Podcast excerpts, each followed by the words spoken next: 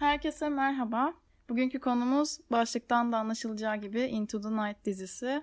Eminim ki birçoğunuz izlemişsinizdir.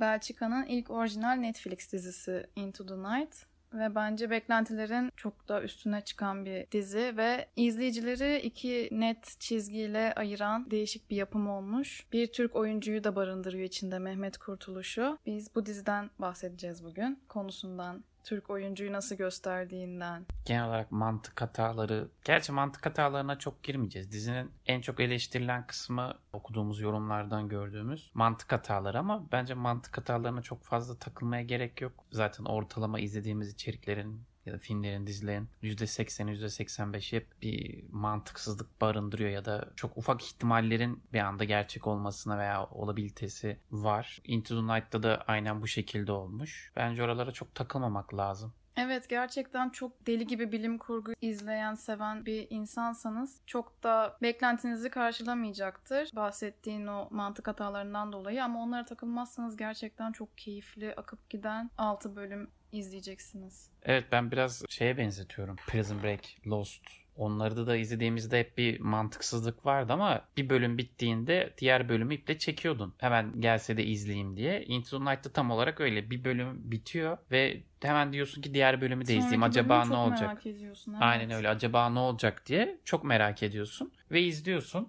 Bu, bu açıdan çok başarılı. Karantina gününde de zaten çok güzel gitti diyebilirim. Bu arada bu dizi 2015 yılında yayımlanan The Old Axolot isimli romanından esinlenmiş. Ama romanla arasında belli farklar var. Araştırdığımızda e, romanda da insanlığın sonunu getiren küresel bir felaketten bahsediliyor.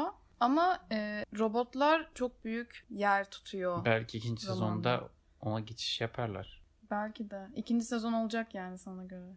Kesin olur. Yani dizi bence beklendiğinden daha çok izlendi. Özellikle Türkiye'de Evet çok beğenildi. günlerce Netflix'ten en çok izlenenlerin arasında yer aldı. Yurt dışında da izlenmiştir diye tahmin ediyorum. Onların verilerine ulaşamadık ama Belçikalılar da sevmiştir. Oyunculukları nasıl buldu?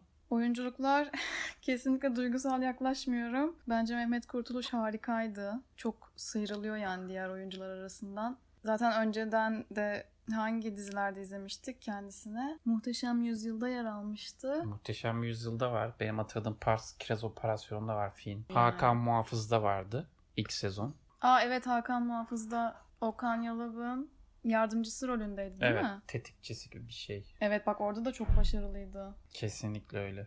Diğer oyunculukları nasıl buldun Mehmet Kurtuluş Ağacı? Sanki biraz kötü gibiydi ama karakterlerin kendisinden nefret ettirme derecesine bakarak, bakarak oyuncu seçimleri sanki doğru olmuş gibi. Yani İtalyan Terenzio falan, o Polonyalı Yakup. Peki Arap'ın ispiyoncu olmasına ne diyorsun?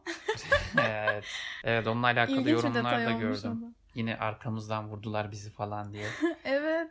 Ama o da kendine göre doğru yapıyor aslında. Yani İspiyonculuk olarak bakarsan ispiyonculuk ama doğruculuk olarak Onu da güzel bakarsan bir- da doğruculuk. Güzel bir noktaya bağlıyorlar zaten sonrasında.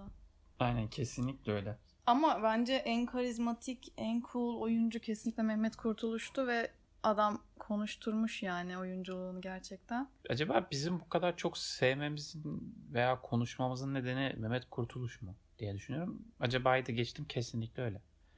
Mehmet Kurtuluş olmasa bu dizi bizim Türkiye Netflix net, yani Netflix Türkiye'de bu kadar çok üst sırada kalmazdı. İlk 10 içinde yer almazdı. Zaten bizde siteye yazdığımızda bayağı bir trafik geldi bu yazıdan. Evet çok kişi okudu. Bir de şöyle bir şey var. İnsanlar merak da etmiş olabilir Türk oyuncuyu. Türkleri nasıl gösteriyor acaba dizi? Bir izleyelim bakalım diye. Evet bir de Türkleri nasıl gösteriyor mevzusu var. Türkleri nasıl gösteriyor? Türkleri olduğu gibi gösteriyor dersek olmaz.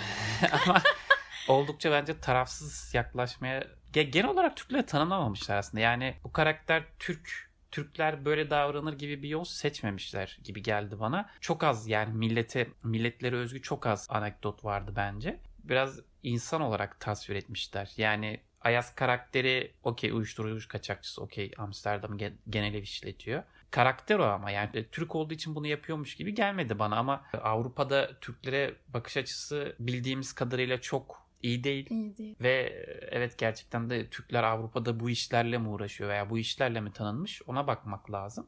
Ama ben öyle olduğunu düşünmüyorum. Ya İtalyan karakter de şimdi adam NATO'da çalışıyor ama yavşağın önde gideni gibi yansıtmışlar. Evet. E, adamın yaptıklarına falan bakınca sinir oluyorsun, nefret ediyorsun. Ama Ayaz'a bakıyorsun, yaptığı iş yasa dışı. Ama karakter olarak oldukça tutarlı ve iyi bir insan portresi çizmişler. Evet. Yaptığı işten bağımsız olarak. Türk olarak diziyi izlerken tabii ki Türk karakterle bir empati kurma çabası oluyor ister istemez. O yüzden ben mesela ilk fark ettiğim hani duygusal, merhametli, yardımsever ve güçlü olarak Kesinlikle. tanımlanmış, ön plana çıkarılmış Ayaz karakteri. Ve Türk oyuncuya bu kadar çok replik verilmesi, bu kadar ön plana çıkarılması bana biraz ilginç geldi. Bana da ilginç geldi. Ama doğru bir seçim olmuş. Kesinlikle. Mehmet Kurtuluş da çok iyi bir seçim olmuş. Ki ben Mehmet yani Ayaz karakterinin sahnesi gelsin diye falan dört gözle bekliyordum. Hani Evet tamam ama dizi özel bölüm de var kendi zaten. kendi içinde merak ettiriyor ama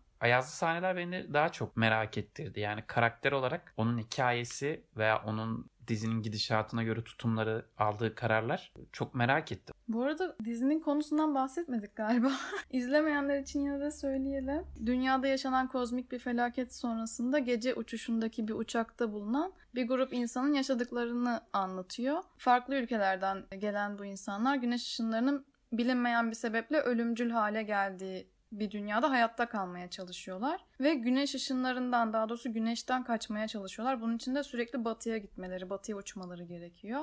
Dışarıda hayat tamamen yok olmuş. Diziyi izlemeyenler için söylüyorum. Gerçi başında biraz değindik ama çok fazla mantık veya havacılık noktasında mantık hatalarına takılmayın. Mantığınızın bir kısmını ya da önemli bir bölümünü bir kenarda bırakın. Evet bir YouTube Diziyi- videosuyla uçağı uçurmak mesela ne kadar gerçekçi. Aynen onlara hiç takılmayın. Yani çıtır çerez evet ya ben şimdi ne olacak diye diye bölümlerin sonunu getireceksiniz. Hatta diğer bölüme başlayacaksınız. O yüzden havacılık noktasındaki şeylere çok fazla takılmayın. Yani bu uçak ne kadar o kadar yani ne kadar uzun süre uçabilir? Da işte yüksekten mi uçmalı, alçaktan mı uçmalı? İşte benzini çok az kalıyor ama 100 mil gidebiliyor falan havada süzülerek vesaire vesaire. O kısımlara çok takılmayın. Dediğim gibi zaten birçok dizide veya birçok filmde hiçbir zaman %100 mantıklı bir şekilde gitmiyor. Evet. Çok az örnek var öyle elimizde. O seyir zevkini kaçırmasın sizin açınızdan. Bir de 95 yapımı Stephen King'in Evet benzetenler de çok var. Evet, Yani The Arak yaptığı konusunda bazı eleştiriler de oldu da. The Langoliers filmine benziyor. Tabii o biraz daha farklı. Ee, Stephen King'in Four Past Midnight kitabındaki ilk hikayesi. o. Ee, orada da yolcuların bir kısmı aniden kayboluyor uçaktan. Kalan yolcular da gittikleri yere vardıklarında dünyadaki hayatın sona erdiğini fark ediyorlar. Yedikleri hiçbir şeyden tat almıyorlar. İşte sesler yankılanmıyor. Havada bir donukluk oluyor. O biraz daha geniş kapsamlı ama Evet. belki ikinci sezonda da ona değinebilirler. İkinci sezonda sence Terenzio ölmüş olur mu yoksa yaşar mı? Ben de ona değinecektim. Yani Terenzio'nun öldüğünü görmedik güneş yükselirken. Öldü gibi oldu ama güneş yükselirken genelde e, Bu arada yani canlı bir hayvan da ölüyor. Evet canlı gördük. bir hayvan da var. Görmedik hayvanın kendisini de yani olduğunu biliyoruz. Direkt göstermedi bize Kaçan bir Dizide, şey evet, gördük kaçan yani. bir şey gördük. Demek ki orada yani bu kozmik ışınların etki etmediği bir canlı ya da artık bir Evet onu bir şeye bağlayabilirler farklı bir nokta. Evet. Hani herkesi öldürmüyor olabilir mesela. ben de Terenzio'nun ölmediğini düşünüyorum. Bence ölseydi kesin gösterirlerdi. İşte ucunu açık bıraktılar Aynen. yeni sezon için. Ve mesela şey çok iyi bir nokta değil mi? Türkiye'den doğan güneşle ölmesi. Evet. Ya da ölmemesi. E, aynen. Büyük ihtimal En azından ölmeyecek. korkması. o güneşi görünce bir korkuyu yaşadı. Evet. Yani bağlayacak olursak dizi gayet hızlı ilerliyor. Temposu yüksek. Düşmüyorsunuz yani. Sıkılmıyorsunuz izlerken de. Çok tadında bırakmışlar. Sahneleri çok fazla uzatmamışlar. Başarılı o konuda. Senin düşüncen ne?